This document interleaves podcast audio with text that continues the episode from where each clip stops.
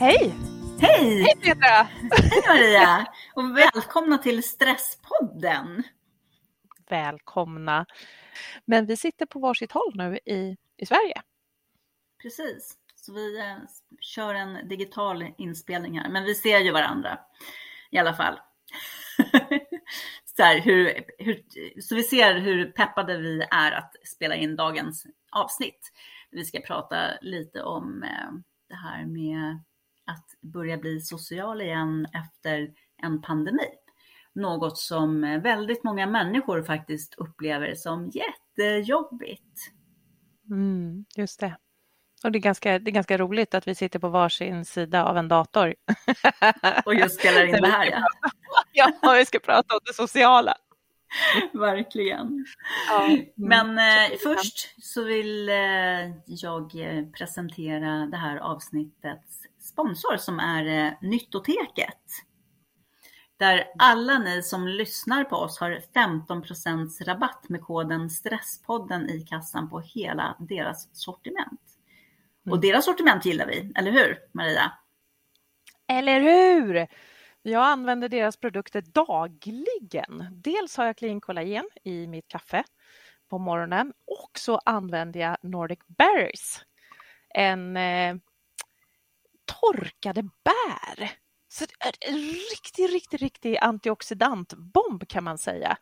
Med olika bär som är torkade som jag, jag strör på min fil på morgonen när jag äter det. Men man kan ha det i smoothies och man kan ha det Eh, på havregrynsgröten har jag. Havregrynsgröten också, exakt! Och det, alltså det består av eh, sju olika sorters vildplockade bär, nordiska bär. Eh, och så ger en otroligt god smak också. Så de passar utmärkt att använda både, men man kan ha den i efterrätter också. Strör på glass om man är, tillhör dem som tycker att det är jättegott med glass som mm. jag gör.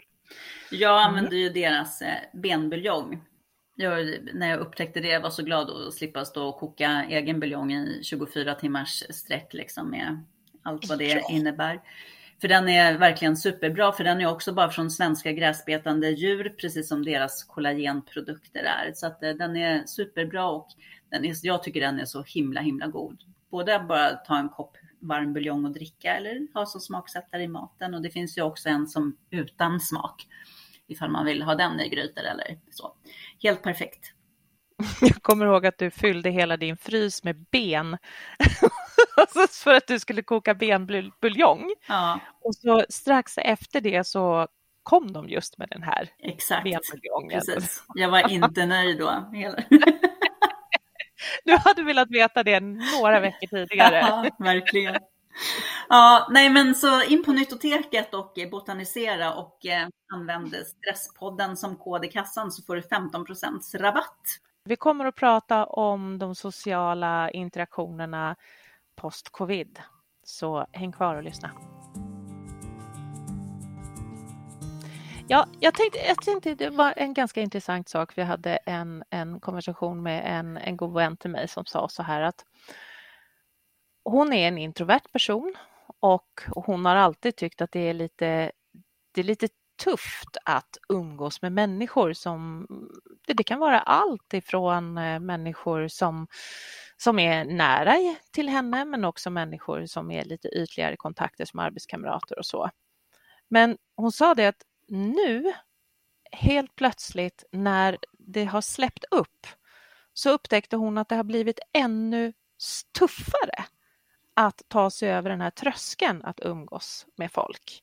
Så att hon drar sig för saker och ting som hon förut kunde innan pandemin kunde tycka att men det här var roligt i alla fall att gå på en fest eller göra det här eller träffa familjen eller så vidare. Men nu kändes även det som en, en tuff grej. Och det kan ju vara det här att man någonstans har, man har tappat lite redskapen för hur det är att umgås med människor.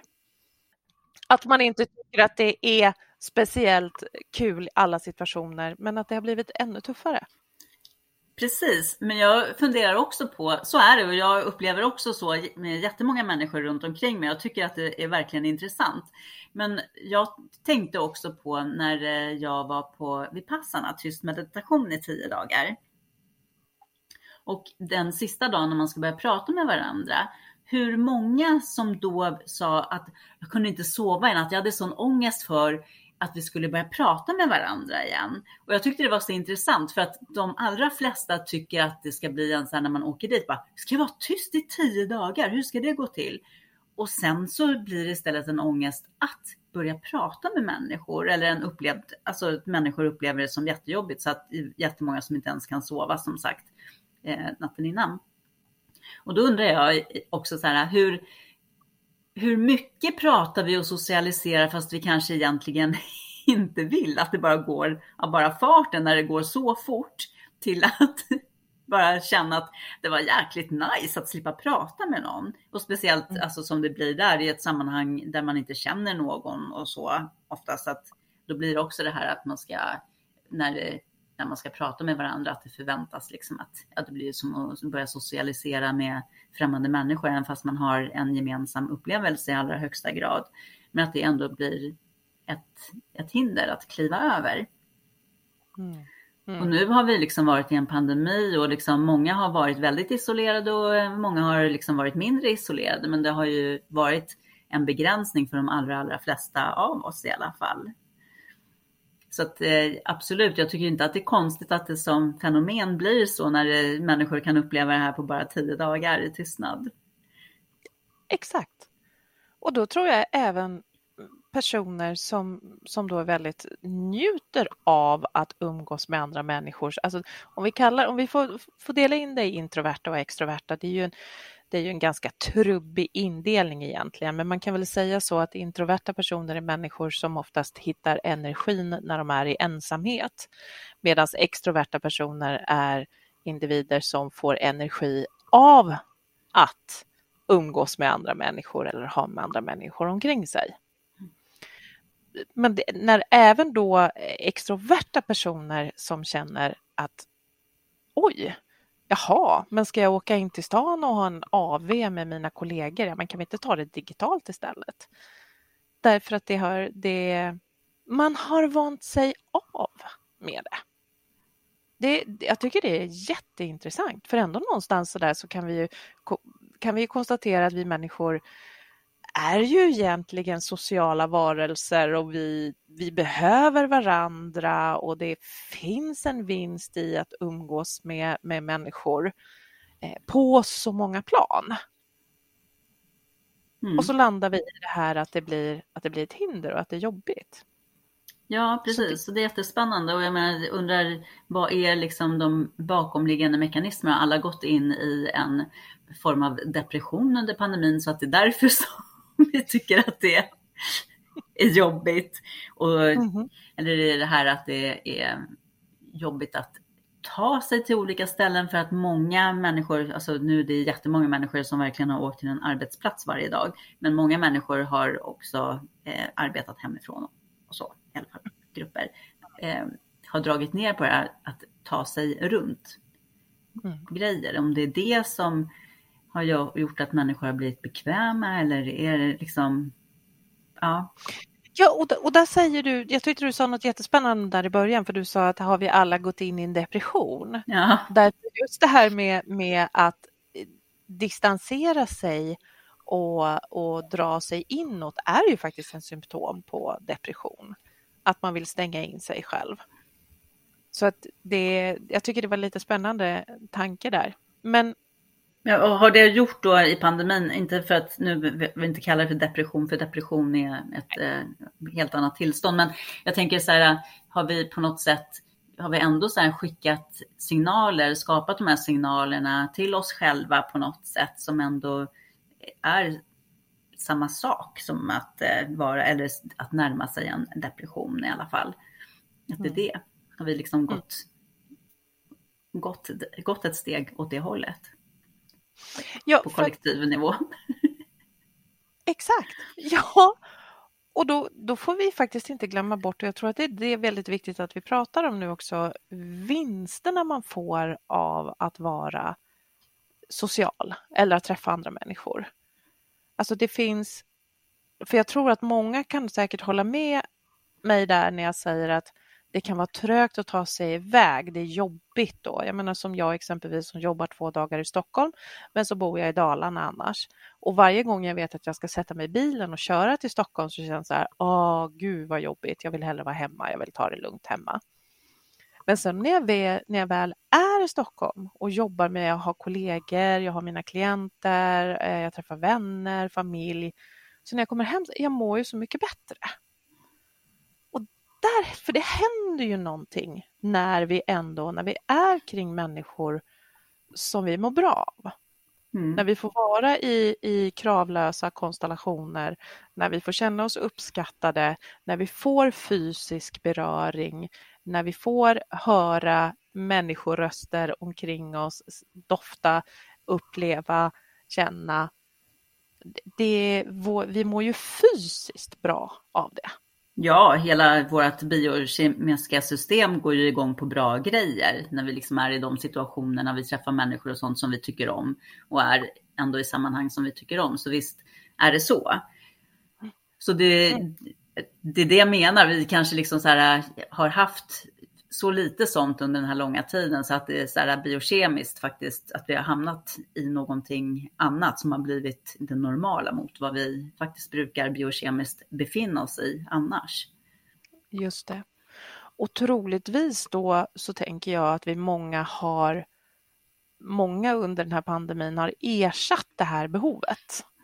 Jag tänker att då, om du tar en extremt extravert person exempelvis som får sin belöning av att umgås med andra människor. Tyvärr är det många som, som har tagit fel belöningar istället, som att man har druckit mer alkohol eller man har ätit mer eller kanske börjat träna överdrivet eller något liknande, att man har ersatt det. Men jag tror också att vi, vi som inte har hamnat där har hittat sätt liksom för att försöka förhålla oss till det här och ändå må bra. Att man har, det, menar, hur många har inte skaffat hundar under den här, eller katter under den här tiden exempelvis. Fast det är ju också många som inte har mått bra. Ja, självklart. Självklart. Som kanske inte har hittat eh, sätt att, att kompensera mm. för det som blir uteblivet. Jag tänker att även om människor som kanske men då som du nämnde om den som du hade pratat med så är det ju många människor som inte tycker om att vara i alla de här stora sociala sammanhangen som tycker det är skönt att ha sluppit det. Men eh, det, det är ju liksom också så här, där handlar det ju mycket om så här bara att också vem, vem man själv är och faktiskt också så här inte tvinga sig till saker och ting någon gång i livet som man inte vill eller mår bra av och det kan ju vara så olika saker. Man pratar om introvert, extrovert, men även det har ju ingenting med hur social man är.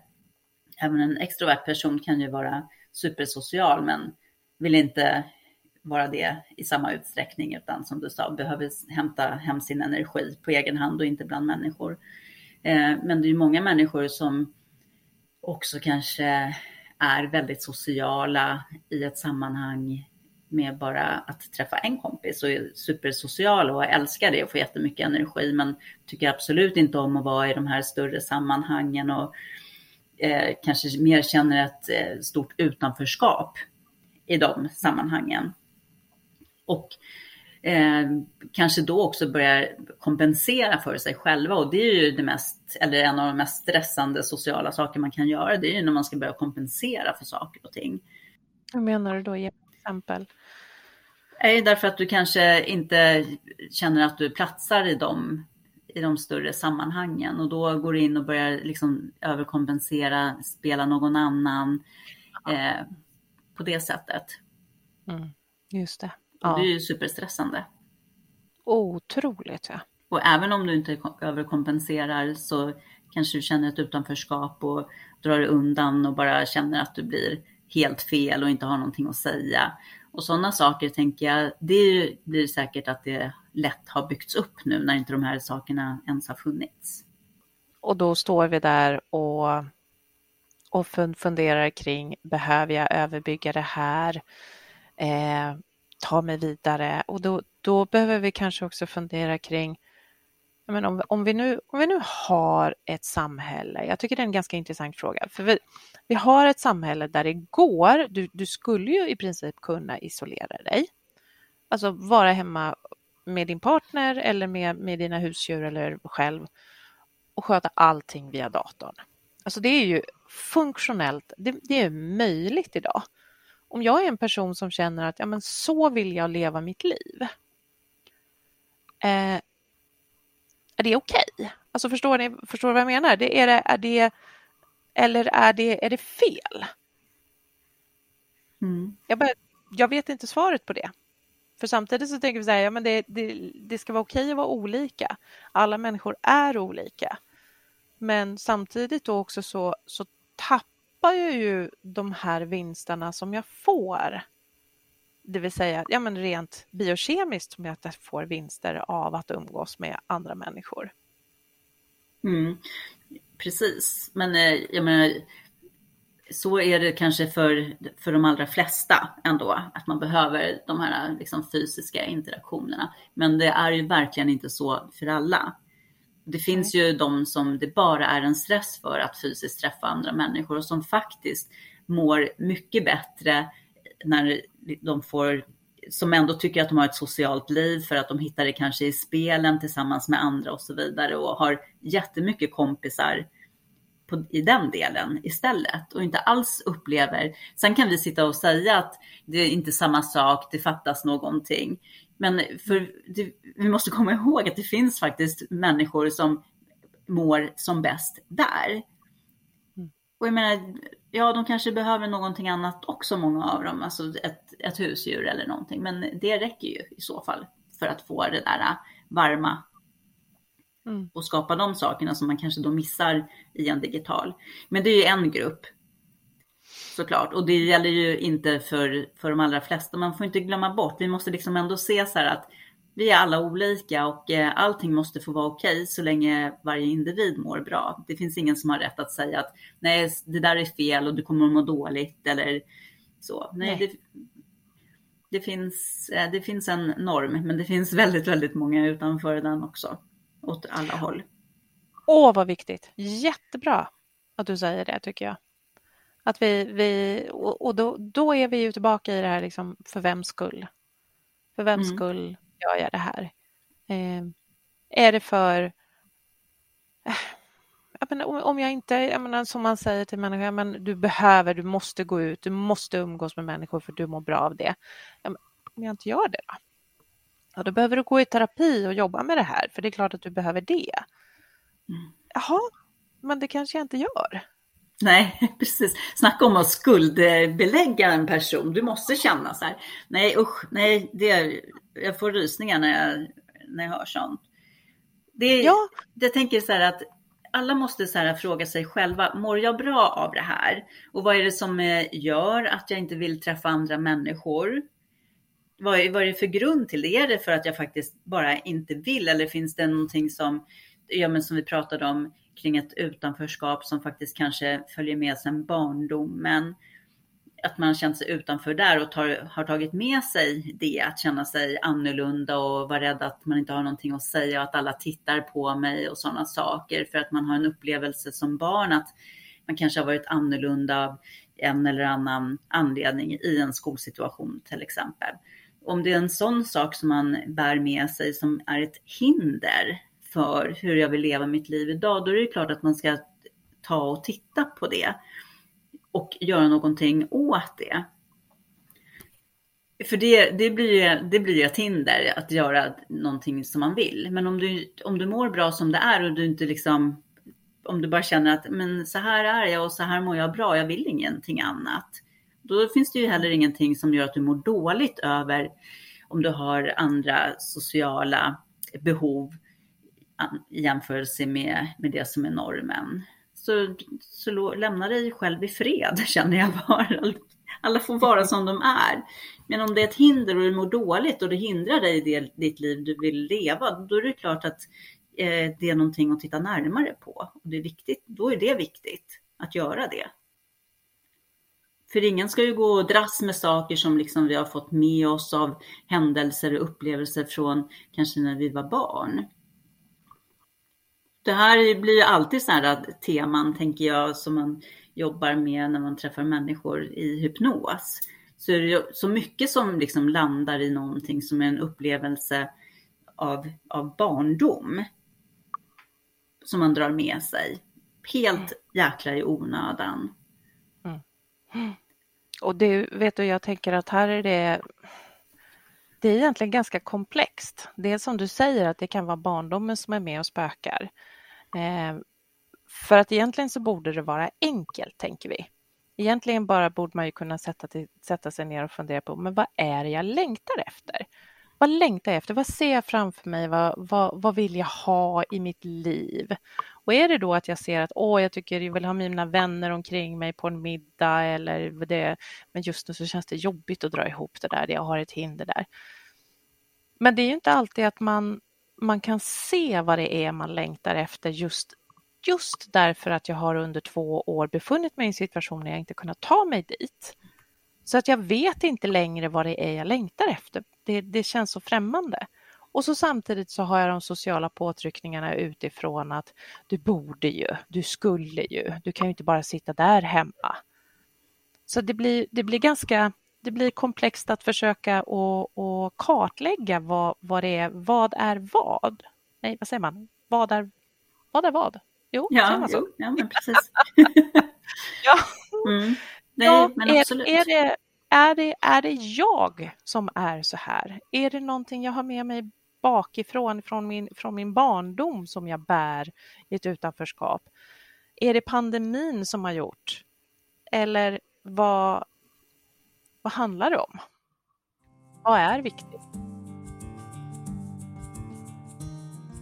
Ja men precis. Jag tänker framförallt, för jag har lite, eh, det skaver lite där jag är jag. För jag tänker ju så här, vi utvecklas hela tiden. Så jag tänker också att det är så viktigt att också tänka, vem vill jag vara? Vad vill jag vara för människa? Vem vill jag vara? Och liksom leka med sig själv så för att så här, faktiskt få utvecklas hela tiden till den person som vi faktiskt vill vara och önskar vara. Som, eh, och göra det vi vill och förverkliga drömmar och så vidare. Liksom att vi inte, faktiskt inte är, vi är inte fast i en form, eh, varken som kommer bakåt eller från idag när jag gick upp i morse. Liksom. Vi har hela tiden, i varje minut, sekund, bara så möjlighet att så här, omskapa oss, omdefiniera oss. För det är ju bara vi själva som är eh, som ska berätta vår egen historia, ingen annan. Åh, Åh, så, så skönt när du säger det. Det blir lättare att andas på något sätt när du säger de sakerna. Jag tänker bara så här, ja men eh, ta på dig, eh, ta på dig en hatt och en eh, kostym om det inte är det du brukar ha och kalla dig själv för ett annat namn. Och hur skulle jag vara ifall jag var Gustav i den här hatten? Vad skulle jag göra då? Bara kliv utanför dig själv på något sätt. Mm, ja, precis. Men det, det, är ju också ett sätt att utforska sig själv fast på, på ett mycket, på mycket lättare, lustfyllt sätt. Ja. Att titta på sådär, men vad, ja men okej, jag tycker det här känns skitjobbigt att åka på, på den här eh, afterworken eller den här festen. Jag tycker det känns skitjobbigt. Jag provar. Och så den här gången tar jag på mig en hatt och är Gustav. Ja. Så får jag se hur det känns. Precis. Med fickpluntan i innerfickan. Så kanske helt plötsligt jag hittade mig själv. Idag, inte imorgon. Nej, nej, precis. Imorgon är en ny dag. Ja, ja, nej. Jag tycker men... det är ganska befriande att tänka så. Eller hur? Ja, men eller hur, visst är det det. Ja. Att man kan få leka men... sig fram till det istället för att rota sig fram till det också. Precis. Nej, det är bättre. Leka finns, då, där finns det liksom någonting framför dig. Att rota, det, det är ju det som liksom på något sätt ligger mera bakom. Mm. Det kan också behövas ibland att titta på saker och ting, så absolut inte någonting om det. Men framförallt så det finns det ju det som ligger framför oss. Det är liksom det som är det viktiga. Men får, får jag, bara, jag får ställa en fråga till dig Peter, för jag blir så himla nyfiken där. När du pratar om liksom, när du hittar trauman i barndomen, när du jobbar med, eh, med hypnos. Ja. För jag vet att du håller på med inre barnhypnos också. Mm. Är, är det det man gör i det, att man går tillbaka till, till trauman som man har haft eller vad, vad, vad, vad, hur gör du när du jobbar som inre barn, gör inre barnhypnoser? Det är ju, då är det ju det som kommer upp. Men det som kommer upp eh, hos klienten är ju det som är jobbigast. Oftast. Ah. Så då går man ju tillbaks steg för steg bakåt från nutid till barndom i olika faser och ser vad som kommer upp. Och det kan ju vara små, små eh, grejer faktiskt som i ett vanligt samtal kanske skulle så kännas som att ja, men det där var väl ingen biggie. Det var ju bara, eh, mamma sa ju bara sådär eller pappa gjorde ju bara sådär. Men som faktiskt finns en stark känslomässig koppling till och då handlar det ofta om eh, känslan av att ha blivit övergiven. Mm. Och det är ju en eh, stark och läskig känsla som verkligen är någonting som kan följa med i vuxenvärlden. Hur man eh, klarar av eh, relationer, rädslan i nära relationer och varför man kanske dras till eh, fel partner och så vidare. Så det kan ju styra otroligt mycket. Wow. Oj, vad spännande. Så det, Och så det, även sen, det, ja, vadå? Ja, men och, och även framåt, sen, ja. ja, och framåt, ja, att det styr mycket i, eh, även som så här sen, nu när jag kommer upp och sitter efter en pandemi, att jag kanske släpar med mig en sån grej. Att jag, det som mamma sa då, när jag var sju Ja, år. men absolut. Jag menar för att eh, har du en jättestark rädsla att bli lämnad, att bli utanför, Eh, för det är ju det det är. Och det är ju liksom såklart en stark grundkänsla att så här, bli lämnad av, av flocken. Det innebar ju liksom döden förut. Och det är ju liksom som en urkraft på något sätt i oss att inte hamna utanför. Bara det att vi kan ju inte så här vara rädda för att hamna utanför idag när liksom eh, vi har tusen vänner på Facebook och så vidare. Bla, bla, bla. Det går ju liksom inte. Eh, ja, det blir ju väldigt stressande om den känslan ska leda dig. Men det kan ju också eh, prägla hur du vågar vara på en after work eller en större tillställning för att du har en rädsla att hamna utanför. Och då vågar du inte kliva in heller och vara dig Nej. själv. För du känner dig så utsatt då. Just det. Och Där, då så det kommer kan bli ett hinder där också. det. Ja, verkligen. Men i en sån här hypnos jobbar man med att läka de såren. Ja, men precis. Wow. Mm. Så det kan ju verkligen vara ett tips att titta tillbaka till att göra en sån här. Ja, ifall, ja men ifall det, om det handlar om sådana saker. Som vi har sagt, det kan ju handla om så många saker. Absolut. Men eh, det är väl en sak. Ja, men ehm, med det, med det sagt så kanske vi kan eh, gå in på lite tips vad man kan göra. Ja, för att det känns som att det här ämnet är ju så, i och med att vi pratar om människor i stort, men det är så många olika. Det finns så otroligt mycket mer att säga, men vi har filosoferat lite bara kring det. Mm. Men först, först och främst så, så är det här att faktiskt vi är alla olika. Och det våga också acceptera sin egen olikhet och acceptera andras olikheter. Det finns eh, människor på alla sidor om normen. Mm. Så att Exakt. spring inte omkring och låtsas vara någon heller som du inte är. För det gör ont och är jäkligt stressande och energikrävande. Verkligen, att hela tiden söka efter det här, för vems skull gör jag det här? Ja, men precis. Mm. Just det. Mm.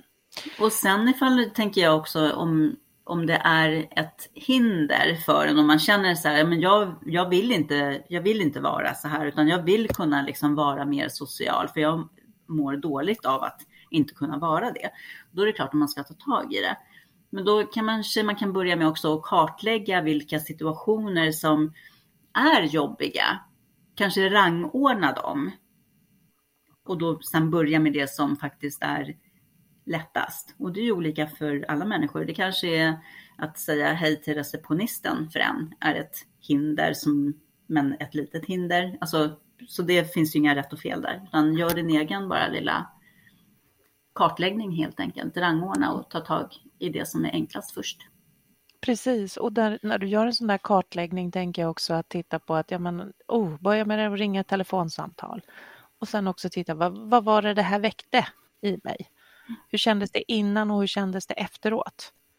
För många gånger när så är ju tröskeln så pass mycket jobbigare än vad det faktiskt är att ringa själva samtalet eller att träffa en person eller att åka på den här festen. Så det tycker jag är en viktig del i kartläggningen, att mäta. Okej, okay, det här var så tufft, men jag fick den här vinsten och det kändes så mycket bättre efteråt. Mm, precis. Om det gjorde det. Mm. Vad sa vi mer? Ja, vi pratade om att ta reda på kanske grundorsaken också. Det är ju en del av att eh, faktiskt lära känna sig själv också. Vad är grunden i det? Är det någonting som jag har byggt upp bara i mina tankar? Eh, eller kommer det från barndomen? Så ta bara reda på, på grunden helt enkelt till det och för att se hur, hur vill jag förhålla mig till det då? Ska jag göra någonting åt det eller är jag fine med att det är som det är? Mm, just det. Mm. Och sen tycker jag också att vi behöver lägga in det här som vi sa tidigare, låt det vara lekfullt. Mm. Prova, testa, för kom ihåg det som Petra sa här förut, att det, jag menar, du förändras. Du är du, absolut, men du är du en annan dag också. Då kanske du är lite, lite, lite annorlunda för du har lärt dig någonting, utvecklats, hittat en ny dröm och en ny längtan. Så, så prova att sätta på dig en hatt och kalla dig för Gustav. Och, och se vad det väcker. På riktigt. Jag tror faktiskt jag ska göra det. Ja. ja. Eller bara vad som helst, sätt på dig ett annat plagg eller bestäm dig för, det vet jag, kan vi, bestäm dig för att träffa någon helt ny människa eller säga någonting helt säga som min, eh, min farbror som, som sa Gud välsigne dig till alla människor han träffade. På sin finlandssvenska. Det kanske du ska prova att säga och se vad det väcker. På finlandssvenska.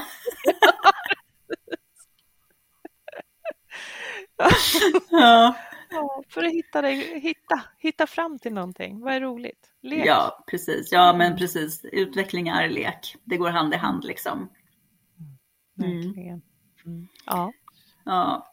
Men eh, tack för att ni har lyssnat på oss och eh, ja, mm. det kanske flamsade till det lite även denna gång då. Men, eh, men hoppas att ni kan känna budskapen och intentionen däremellan i alla fall. Mm. Mm. Härligt hörni, sök upp oss på, på Facebook och på Instagram.